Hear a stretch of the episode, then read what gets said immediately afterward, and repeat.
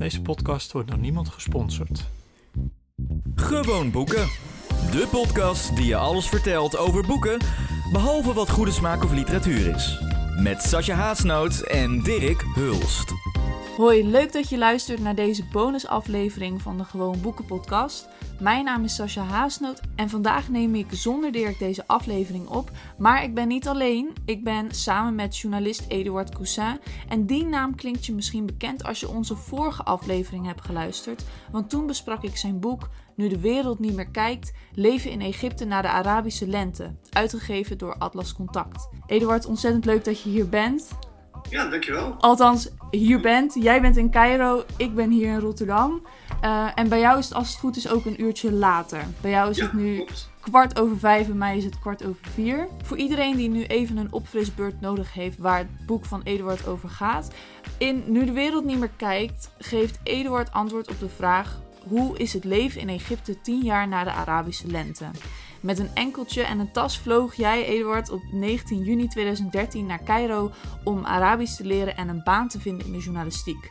Egypte was destijds wereldnieuws. De Arabische lente zorgde voor veel aandacht voor het land, met name de demonstraties op het Tahrirplein. President Mubarak was afgezet en er was hoop voor een revolutie, misschien zelfs een democratie. Maar deze verdween ook weer snel nadat generaal Sisi en het leger uiteindelijk de macht grepen. De dictatuur kwam terug, de grote vijand, eh, de moslimbroederschap werd van het toneel verdreven, mensen moesten hun vrijheid langzaam gaan inleveren, de media werd vervangen door staatspropaganda, IS nam de noordelijke Sinai over en het land heeft nu een repressie. Voor jouw boek sprak je met ontzettend veel mensen van diverse rangen en standen en bezocht je ook diverse regio's in het land, waaronder een dorp in de Delta waar je schoonfamilie vandaan komt, eh, moslimbroeders, soefies, seculieren, stedelingen, collega-journalisten en werknemers uit je vaste café. Heel lang verhaal dus. Ehm, de eerste vraag die bij mij heel erg naar boven kwam. Je zegt in je voorwoord: De reden dat ik dit boek schreef was omdat ik graag wilde dat Egyptenaren hun verhaal konden vertellen. Ehm, en ik vroeg me af, was dat het enige doel? Want ik snap ook, je, hebt daar nu, je zit daar langer dan 7,5 jaar. Was het misschien ook een soort therapie voor je om zo'n boek te schrijven? Eh, ja, ja, ja, ehm, ja, zeker. Ehm, op een bepaalde manier wel, ja. ja je komt natuurlijk, hè, zoals je zei, ik kwam op een, op een heel roerige periode kwam Ja. ik aan in Cairo. Ja, en toen was er nou, heel veel geweld, heel veel straatgeweld, Ja. eh, tijdens demonstraties. eh, de politie schoot eh, en het leger op demonstranten, en voornamelijk die van de moslimbroederschap. En er zijn ja, vielen heel veel doden bij, dus dat was een hele heftige periode. En nou, het werd rustiger op straat daarna. ja, lang, ja, elk jaar was er weer wat minder militaire aanwezigheid in de stad en in de politie. Dus het dagelijks leven ging weer verder en het werd op een bepaalde manier weer steeds normaler. ja, Uh, maar toen kwam een economische crisis uh, over het land heen. Uh, dus, dus je maakt inderdaad een lange periode heel veel mee. En je Ja. ziet toch wel een, een land wat een bepaalde transformatie heeft doorgemaakt. ja, En op een gegeven moment heb je wel zoiets voor jezelf van, nou, ik wil het even op een rijtje zetten. Hè, ik zit nu zo lang, ik heb nu zo veel gezien. En ehm, ja, die periode post-revolutie, die is op een gegeven moment ook wel, nou, nee, niet voorbij, nee, dat zeg ik niet goed. Ehm, ik bedoel, het, het, het is echt het, het, het eerste periode van post-revolutie. Mhm. En dan denk ik van, ah, dan, eh, hoe is die nieuwe werkelijkheid in Egypte nou ontstaan? En hoe is die nou eh, ja, zo tot stand gekomen? En hoe, hoe zag dat er nou uit? En op een gegeven moment denk ik van, nou, dat is wel een mooi moment om dat op een rijtje te zetten en op te schrijven, eh, om ja, toch een beetje dat overzicht te schetsen. En terwijl je dat dan doet, merk je ook natuurlijk dat je zelf heel veel emoties en gevoelens hebt bij alles wat er in die jaren gebeurd is. Hè? Ja. Want je bent niet, je kan natuurlijk wel in artikelen als journalist proberen een neutrale of objectieve observant te zijn. En ik denk dat, dat dat goed is hoor, dat je dat probeert. Ik vind niet dat dit iets wat je helemaal los moet laten. Maar ehm, je bent het natuurlijk uiteindelijk niet. Want je bent, zeker als je lange termijn gebaseerd, of eh, lange termijn met een vaste stand- standplaats in een land zit. En daar woont en daar een leven hebt. En daar, nou, zoals ik getrouwd ben en een schoonfamilie heb. Dan, ehm, dan ben je natuurlijk niet een, een neutrale, objectieve observant. Dan ben je gewoon ook deel van wat hier gebeurt. ja, Maar in een boek kun je dan wel wat meer van kwijt. Eh, hè, ik, ik heb mezelf niet proberen te verstoppen in het boek. Eh, en ik heb ook gewoon eh, ja, open geweest van als ik dingen als dingen heftig waren of lastig vond, of hoe ik me bij bepaalde dingen voelde. Dat heb ik wel ja, in door proberen te laten schemeren. Ja, je zegt Ja. ook, het is niet voor mijn onderzoeksgebied, het is mijn thuisland. Ja, Ja. Ehm, wat je zei over die therapie, wat ik heel erg merkte terwijl ik aan het schrijven was, dat bepaalde hoofdstukken me veel makkelijker afgingen dan andere hoofdstukken. En wat waren dan die hoofdstukken? Welke hoofdstukken waren dat? Nou, dat, waren hoofdstuk 1 en in, in mindere mate hoofdstuk 2 Ja. en eh, hoofdstuk 15. Ik zat er ook later over na te denken van hoe, hoe komt het nou? En ik merkte dat, dat dat de hoofdstukken waren waar, gewoon, waar ik het zelf gewoon heel moeilijk mee had. Dat ik zelf gewoon hele Ja. heftige, zware hoofdstukken vind en vond. En waar, daar beschrijf ik dingen in die ik, ja, die blijkbaar ook zo'n impact op me gehad hebben, dat, die, dat ik daar niet zo heel makkelijk even weer naar terug kan keren. Nee, eh, dat merkte je ook dat- toen je het las hoor. Want hoofdstuk 15, voor wie dat niet weet, gaat vooral ook over zelfmoord hè? In, in Egypte. Het, het stijgende aantal zelfmoord. En wat je ook zegt, ook, eh, mensen zijn er ook getraumatiseerd. Dat kan natuurlijk depressies oproepen, PTSS. Dat is natuurlijk Ja. super heftig. En dat maak jij ook allemaal mee. Je kent die mensen. Ja, Ja. ja en in, in, in hoofdstuk 1 was bijvoorbeeld, dat beschrijf ik ehm, de dag van Rabba. En dat is ehm, een groot protestkamp van de broederschap dat heel bloedig uiteen is geslagen. Ja. En in mijn eerste versie van het hoofdstuk is, beschrijf ik die dag door mijn oude aantekeningen uit mijn aantekeningboekjes gewoon op te tikken. Ja. Of eh, gewoon over te schrijven. Ja. En dan zeg ik van, dit schreef ik in mijn opschrijfboekje. En dan, ik merk dus in mijn eerste versie van het hoofdstuk schreef ik na dat, die beschrijving van, ik wil helemaal niet terug naar deze dag. Ik wil Nee. helemaal niet dit nog een keer beschrijven. Ik wil Nee. niet over hebben. Nee. Ehm, maar dat, dat merkte ik dus dat dat iets was waar ik, ja, waar ik gewoon eigenlijk helemaal niet graag naar terug wilde. Mhm. Ehm, maar doordat je dan merkt dat dat soort dingen er zitten waar je niet per se terug wil, dan merk je ook van, oh, daar zit dus toch nog echt wel, dat heeft echt impact gemaakt. En daar zit ook wel eh, pijn in. En dan is het op die manier therapeutisch om daar, daarachter te komen. Ja. En daar dan dus bewust mee om te kunnen gaan en het dan wel op te schrijven. En ja, Ja. Ja. Ja. Wat je antwoord op je eerste. Nee, maar wel een goed antwoord. Wat, je, wat ik vooral merkte ook eh, gedurende de hoofdstukken was dat je steeds meer die, die greep van Sisi en het leger werd steeds eh, steviger. Zou je kort kunnen uitleggen voor de mensen die op het punt staan om dit boek te lezen of die, eh, die hier heel erg in geïnteresseerd zijn? Hoe stevig is die greep nu op dit moment? Ja, het is, het is- het is lastig om het te, te kwantificeren. Ehm, ik denk dat inderdaad het beste is om een voorbeeldje te geven. Op het moment dat er ehm, eh, rond 20 september, dat is een belangrijke datum, omdat er toen anderhalf jaar geleden rond 20 september wat protesten waren. Ja. Niet eens zo heel veel, maar een paar kleine protesten. Eh, en rond 25 januari, en dat is de verjaardag van de revolutie in 2011. Ehm, en rond, rond die twee data zie je dat de politie opeens eh, de aanwezigheid in het centrum van de stad en op belangrijke pleinen, belangrijke straten opeens een stuk verhoogt. Dan, dan wemelt het opeens van de politie. Dan worden er heel veel cafés in en rond het centrum moeten hun deuren sluiten. En ze gaan mensen controleren die zich in het centrum ophouden. En ze gaan appartementen langs waar ze vermoeden dat jonge Egyptenaren wonen. Hè? De Ja. jonge mannelijke Egyptenaren is een beetje het profiel van de, de demonstrant. Ja. Dus dan, dan merk je gewoon dat ze de, terwijl er niet eens heel veel aanleiding is dat er nou echt weer grote protesten gaan uitbreken. En ik zie dit ook helemaal niet gebeuren. Ik denk ook dat mensen er helemaal geen zin of geen trek in hebben. Maar dan, desondanks, gaan ze dus zover dat, dat op het moment dat er zo'n belangrijke datum is, mensen gewoon van straat geplukt worden, telefoons gecontroleerd. Als daar iets politiek staat, kunnen ze worden gearresteerd. Er worden huiszoekingen gedaan bij mensen waar mogelijk demonstranten wonen. Dus op die manier, ja, ja hoe, hoe erg is die greep nou zo erg dat de overheid echt heel ver wil gaan om, om, om iets wat om een protest lijkt Ja. al, al van tevoren te voorkomen. Hè? En nou, dat, dat is een beetje dubbelop, maar ja, echt in de kiem te smoren. Ja, ja. De titel is natuurlijk Nu de wereld niet meer kijkt. En na de demonstraties eh, en, en toen eh, Sisi echt aan de macht kwam, gingen heel veel journalisten ook weer weg. Eh, maar jij bleef. Ja. Waarom, waarom bleef je? Ja. Nou ja, ik was eigenlijk pas net aangekomen. En dat, dat is natuurlijk dat ook. Ja. Ja, maar ik heb de zelf in 2011 heb ik niet meegemaakt. Op een gegeven moment in de loop van 2013, 2014 is het heel erg duidelijk dat er gewoon een nieuw regime zit, geleid door Sisi, met een centrale rol voor het leger. En dan ja, zoals ik dat dan beschrijf, begint zeg maar de, de, de postrevolutionaire periode. Ehm, en ik kwam dus aan op het moment dat Sisi net aan de macht kwam, 2013. En toen was er nog even een aantal maanden, half jaar van heel veel protesten, heel veel straatgeweld, uh, veel ontwikkelingen. Maar daarna, nou, zoals ik zei, werd het steeds duidelijker dat die macht geconsolideerd werd. En toen waren er gewoon minder grote politieke gebeurtenissen. Dus waren er ook minder journalisten. En waarom bleef ik? Ja, ik begon toen.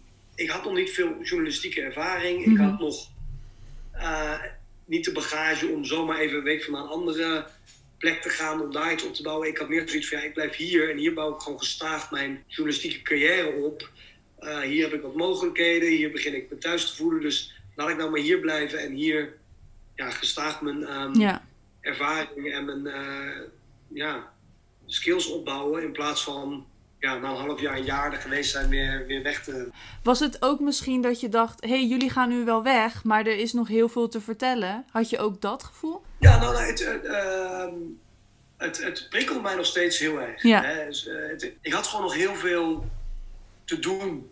Hè? Ik, ik was toen nog niet aan het freelancen. Ik had nog geen artikelen geschreven voor uh, Nederlandse media. Ik mm -hmm. was net een beetje begonnen bij lokale Egyptische media. Er lag gewoon nog heel veel voor mij om in te groeien en om een stappen te zetten. Ja, plus ook nog steeds, ja, tot op de dag vandaag mm -hmm. Om me heen kijk en denk van wat een, wat een verhalen zie ik om me heen. Ja. Zeg maar. Ja, ja, je vond uiteindelijk dus uh, de, een baan bij een Egyptische krant, de Cairo Post. Een soort tabloid zouden we eigenlijk kunnen zeggen dat dat het was. En je was daar eindredacteur. En tegen jou en de andere redacteuren was gezegd dat jullie het echte nieuws zouden gaan vertellen. Daar had je uiteindelijk toch wel wat gemengde, heb je met gemengde gevoelens daar gewerkt. Zou je kunnen uitleggen, wat gebeurde daar allemaal en hoe, als je terugkijkt op die tijd van, had je het anders gedaan? Had je gedacht, het heeft zo mijn journalistieke normen en waarden ook veranderd of aangescherpt? Het zijn heel veel vragen, merk ik nu ik ze stel. Nou ja, dit is natuurlijk een punt uh, waar ik graag op uh, terugkom. Ja. Want in jullie vorige aflevering van de podcast uh, was dit een punt van kritiek van jouw kant. Ja. ja, om op het beeld te schetsen. De, hè, deze krant was zeer op de hand van de staat en op de ja. hand van Sisi. En zeer anti-broederschap, tot het echt het, het, het haat zijn. Ja. ja zonder, zonder bronnen, gewoon geruchten ja. en en uh, beschuldigingen de wereld te slingeren die nou ja, uit de lucht gegrepen lijken. Het was echt, het was echt gewoon een, een, ja, een haatcampagne tegen de broederschap. En, en niet dat. Eh, dit is absoluut uh, hele terechte, hele stevige kritiek, mogelijk, uh, kritiek mogelijk en, en nodig op, op die groep. Hè? Het is niet, ja. zeggen dat. dat ja, zeker. Ja. Denk, wat er bij de, dit, deze krant gebeurde was echt. Ehm, ja, dat ging, gewoon, dat, dat ging elke mate van objectiviteit of, of dingen te boven. Ja. Uh, en jij zei van, nou, hoe, hoe, hoe, kon je in de podcast vorige week van, hoe kon je um, daar met een goed geweten voor werken? Dat, je hebt jezelf toch eigenlijk um, uh, ja, niet ethisch gedragen door bij deze krant te werken. Dat, uh, dat, dat zijn we ongeveer. En nou wat, ik, wat, wat ik daarmee wil zeggen, in eerste instantie was het niet duidelijk ja. wat die krant ging doen. Oké, okay, ja. En, ik, ik kende die Arabische krant wel, maar mijn Arabisch was toen ook nog niet zo heel goed. Ik was nog maar een paar maanden, dus zo goed kende ik die ook niet. Uh, en er was ons verteld toen we daar begonnen dat dit afhankelijk, onafhankelijk was van de Arabische editie. En dat we alle vrijheid hadden op ja. redactioneel uh, gebied. Dus we werden best wel met een, met een plaatje daar binnen gehaald met het idee van we mogen hier gewoon ja. Ja, echt een, een goed kritisch onafhankelijk medium van maken. Dat hè, aan, aan westerse standaarden voldoet. Uh, dus, dus zo begonnen we. Ja. En op een gegeven moment merk je dat heel veel artikelen die uh, gepubliceerd worden, toch uiteindelijk uh, vertalingen uit de Arabische krant zijn.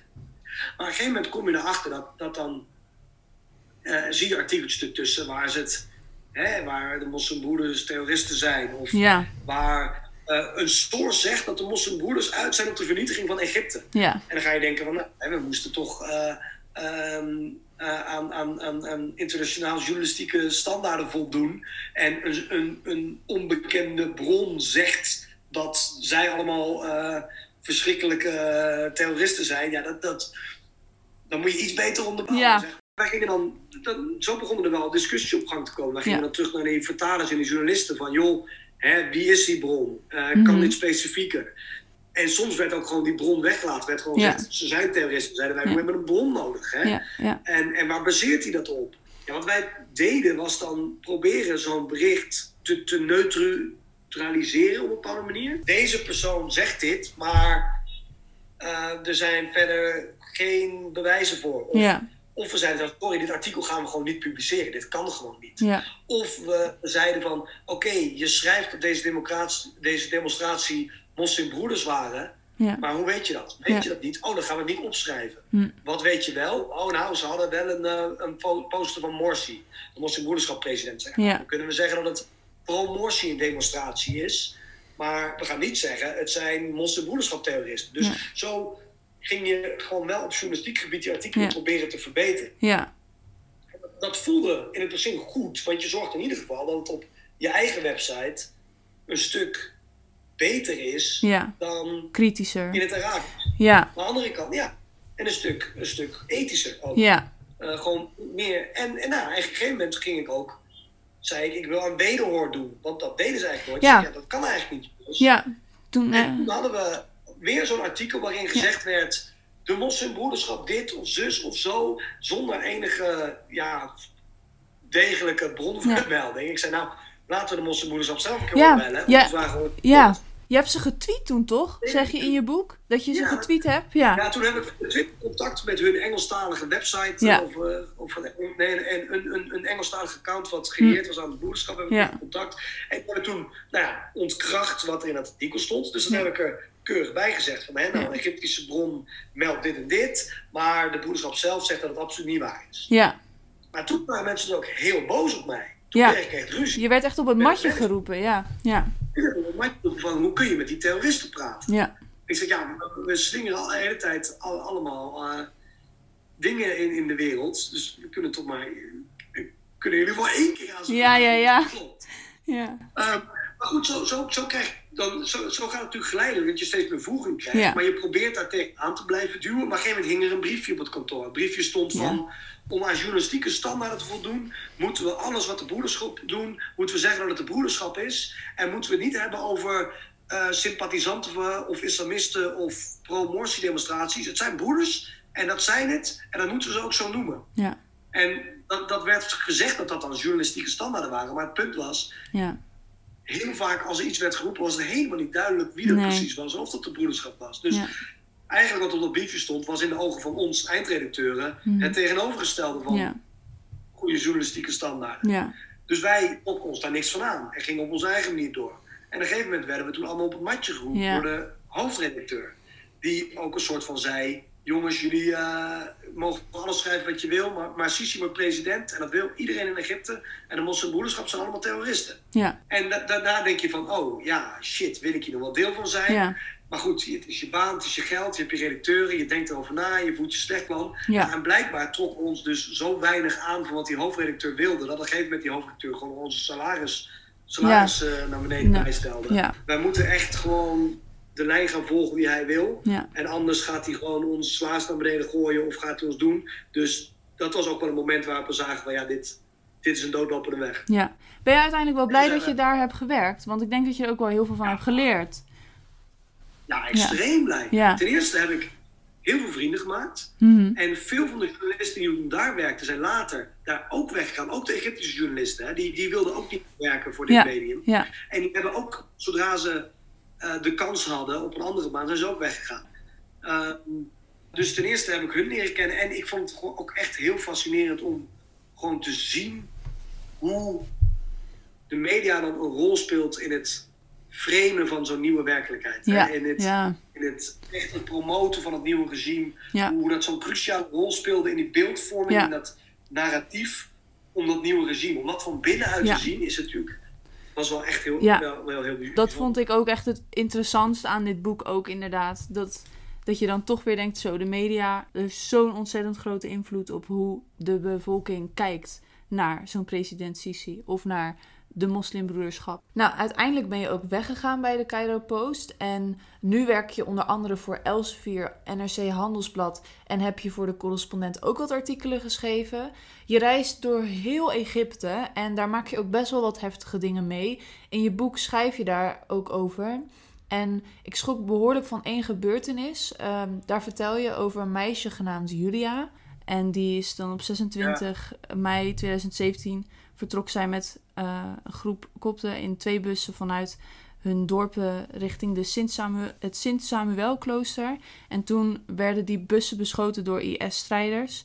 En zij heeft zeg maar gezien hoe haar broer door zijn keel werd geschoten.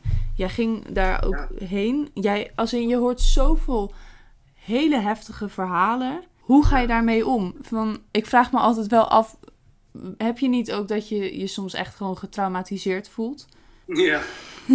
Volgens mij wel. Ja. maar,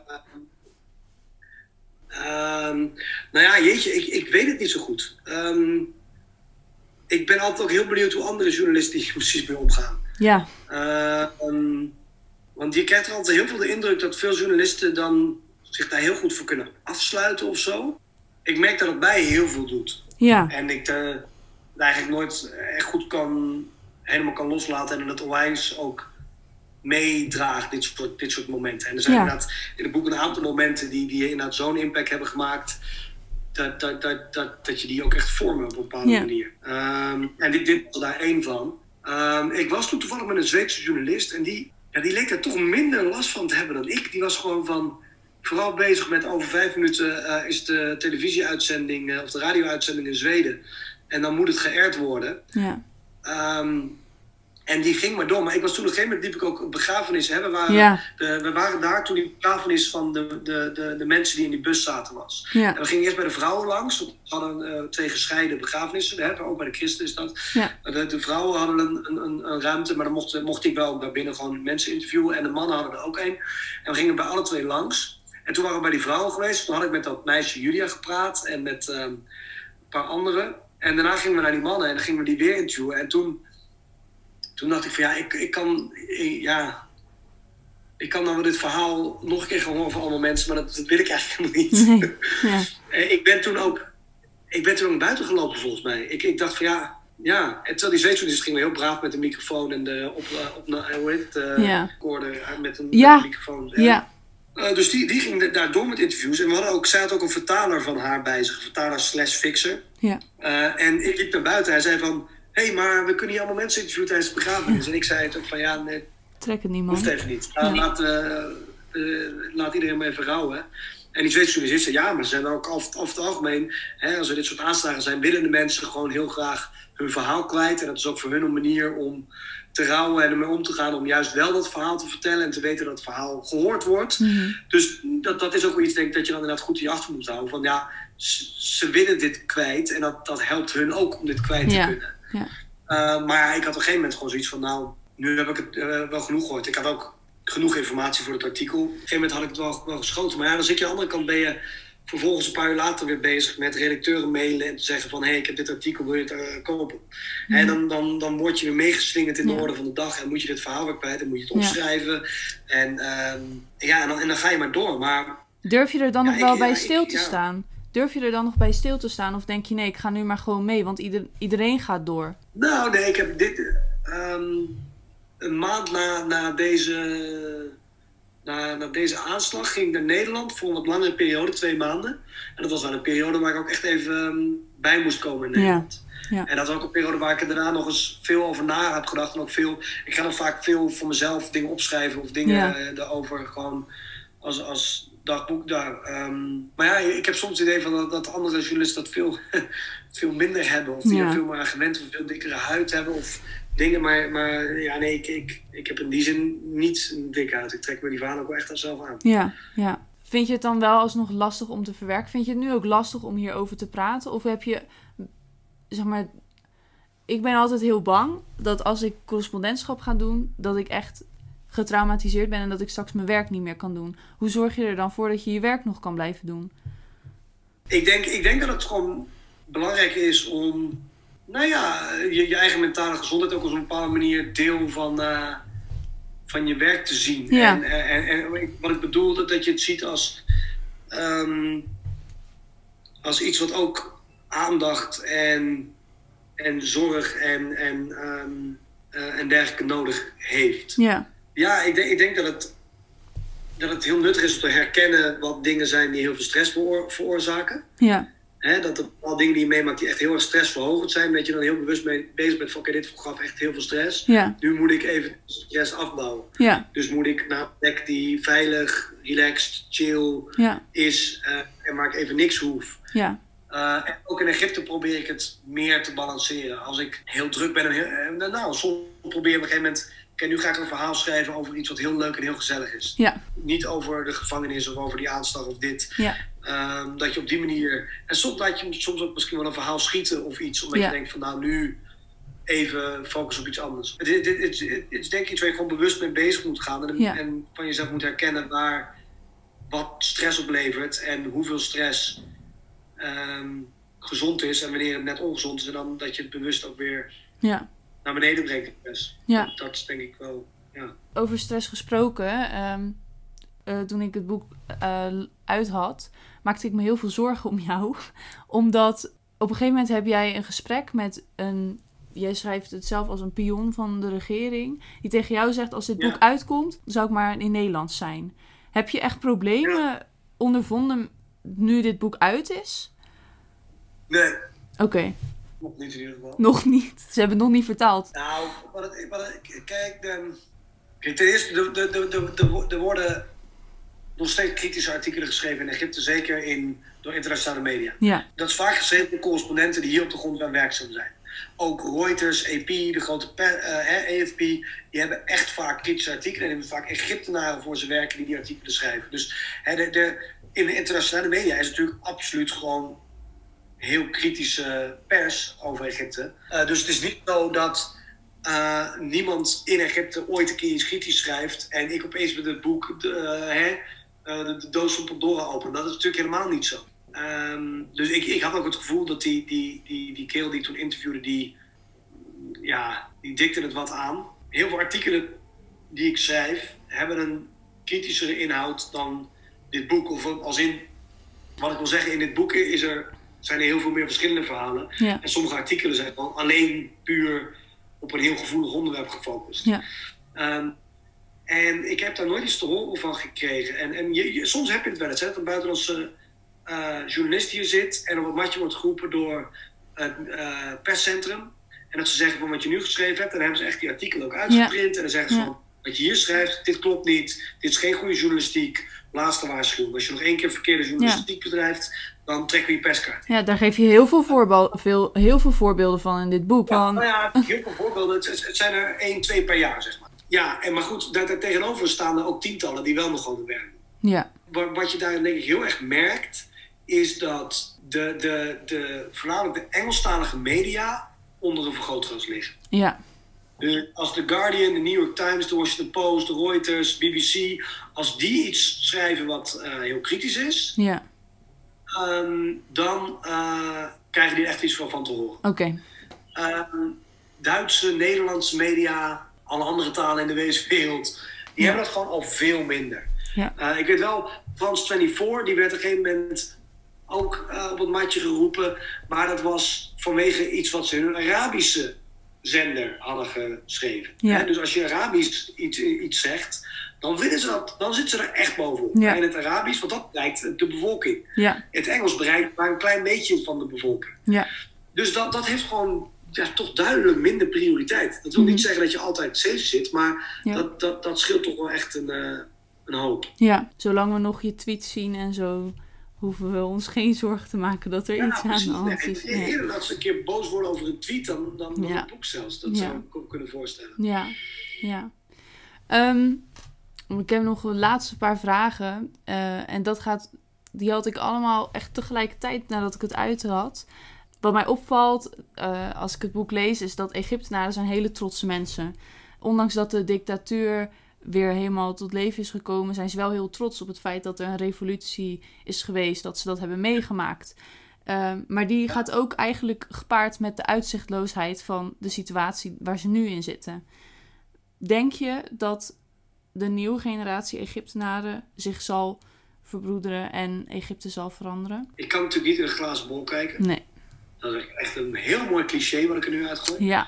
Ehm, maar ehm, eh, dit, dit is natuurlijk de grote vraag. Hè? Wat, wat gaat er gebeuren? Ja. Ehm, ik weet het niet. Maar als ik hoor hoe er gesproken wordt in de cafés. Hè? En dan, ik heb het niet over de in het Westen opgeleide Engels sprekende eh seculier liberale jongeren die. Nou, jouw, Ja, vaste, die- jouw vaste shisha-café bijvoorbeeld dan. Ja, nee, als je Ja. op straat en, en, en, en de shisha-cafés en dingen en ook op, op, wel op social media, maar ook in het Arabische social media, je ziet dat er, hoe ze praten over politie of de regering, is toch vaak gewoon niet positief. Eh, men heeft niet het idee dat eh, het goed gaat met Egypte en men heeft niet het idee dat de, de, de staat eh, het beste voor heeft met haar burgers. Mhm. En nou, er zijn heel veel redenen waarom ze Ja. dat, dat idee klopt, volgens mij. Ja, ja. Uh, maar maar dat, dat, dat proef je ook, ook wel echt. Ehm, waarom dat nu niet tot demonstraties leidt, is A, omdat er gewoon heel veel repressie is. En Mhm. de staat laat het gewoon niet toe. En hè, zolang het leger en de politie en de veiligheidsdiensten op één lijn zitten, dan hebben zij gewoon de wapens en de kracht en de, Ja. en de power om wat er ook gebeurt op straat, om eh, direct de kop in te drukken. Dus dat is A. B is er ook, ja, die vorige revolutie heeft gewoon niet tot een beter leven voor Egyptenaren Nee. geleid. En Nee. ik heb niet per se zeggen, het heeft niet tot democratie of wat geleid, maar als je nu kijkt hoe Egyptenaren, hoe hun- hun levens eruit zien, hoe het eruit zag net voor de revolutie 2011, dan zijn de levens van heel veel Egyptenaren moeilijker geworden. ja. Ehm, gewoon economisch of, of ja, gewoon hun, hun sociale leven, oh, nou, eh, corruptie, nou, gewoon dingen zijn. Ja. En daarbij is er een periode van enorm veel bloedvergieten en onrust geweest in de tussenperiode. Dus mensen hebben ook zoiets van, ik denk niet dat als er nu al een protest zou ontstaan, dat dan dat echt op heel veel mensen heel veel steun zou krijgen. Mhm. Heel veel mensen hebben toch zoiets van, ja, is dat, dat gaat ons gewoon niks goeds opleveren. Ja. het, het is, ze zijn het er misschien wel mee eens dat ze denken van het gaat niet goed met het land. Maar ja, eh, waarschijnlijk als we nu gaan demonstreren wordt het nog slechter. Ja. Dat maakt het op dit moment gewoon niet op korte termijn denk ik heel erg eh, dat er een heel grote kans is dat er nu Ja. inderdaad op korte termijn iets gebeurt. Ja. Aan de andere kant denk ik weer, als je ziet hoe het land nu bestuurd wordt, en de enorme bevolkingsgroei, stijgende armoede, Ja. meer en meer en meer repressie, hè, steeds minder manieren voor burgers om toch hun onvrede te uiten, om toch Ja. enigszins op een bepaalde manier te participeren met Ja. hè, eh, enigszins enige agency over hun eigen leven. Ze zijn toch allemaal speelballen van het, van het, van het systeem vaak. Ehm, op het moment dat dat niet verandert, dan kan ik me niet voorstellen dat dat op de middellange termijn houdbaar is. Mhm. Dan, dan gaat er op een gegeven moment ergens weer een scheuring in ontstaan. Ja. Ergens weer een, een, weer een vonk die ergens in de pan slaat. Ergens misschien wel binnen het regime zelf dat er Ja. opeens ook wat, wat onvrede tussen de verschillende, hè, tussen de politie en het leger, die zijn Ja. die, die zijn, hè, z'n tweeën staan ze wel aan de kant van Sisi, maar die hebben ook wel eens dat, ze, dat hun belangen botsen. Ja. Ik noem maar wat. Of binnen het leger heb je ook wel eens dat je soms tot het doorcijpelt dat er ook wel wat verschillende kampen in bestaan van mensen die toch net iets andere ideeën hebben. Dus ja, tenzij dit regime toch wat meer kanalen voor, denk ik, oppositie of in ieder geval tegengeluid openlaat en dat Ja. er en tenzij het economisch toch wel wat beter gaat, waardoor meer mensen wat meer in ieder geval economische perspectieven hebben. Ehm, hè, als deze twee dingen niet gebeuren, dan, dan moet het een keer weer misgaan. Denk ik. Ja. Dat, Ja. Dat, eh, ja. dat is denk ik ook heel erg afhankelijk wat voor ja, triggers of prikkels er opeens aankomen. En Ja. ik denk wel dat zo'n trigger kan wel weer echt iets, weer heel veel in gang gaan zetten. Ik ben heel benieuwd in je verantwoording. ehm, zeg je ook dat veel correspondenten, wanneer ze vertrekken, eh, een nabeschouwing dus gaan schrijven over het land waar ze jaren over hebben bericht. Als ik je allemaal zo heb gehoord, ben je nog steeds heel verwonderd over Egypte. Dus ga je daar nog blijven wonen en ga je dan hopelijk ook meemaken dat er zo'n ontwrichting ontstaat?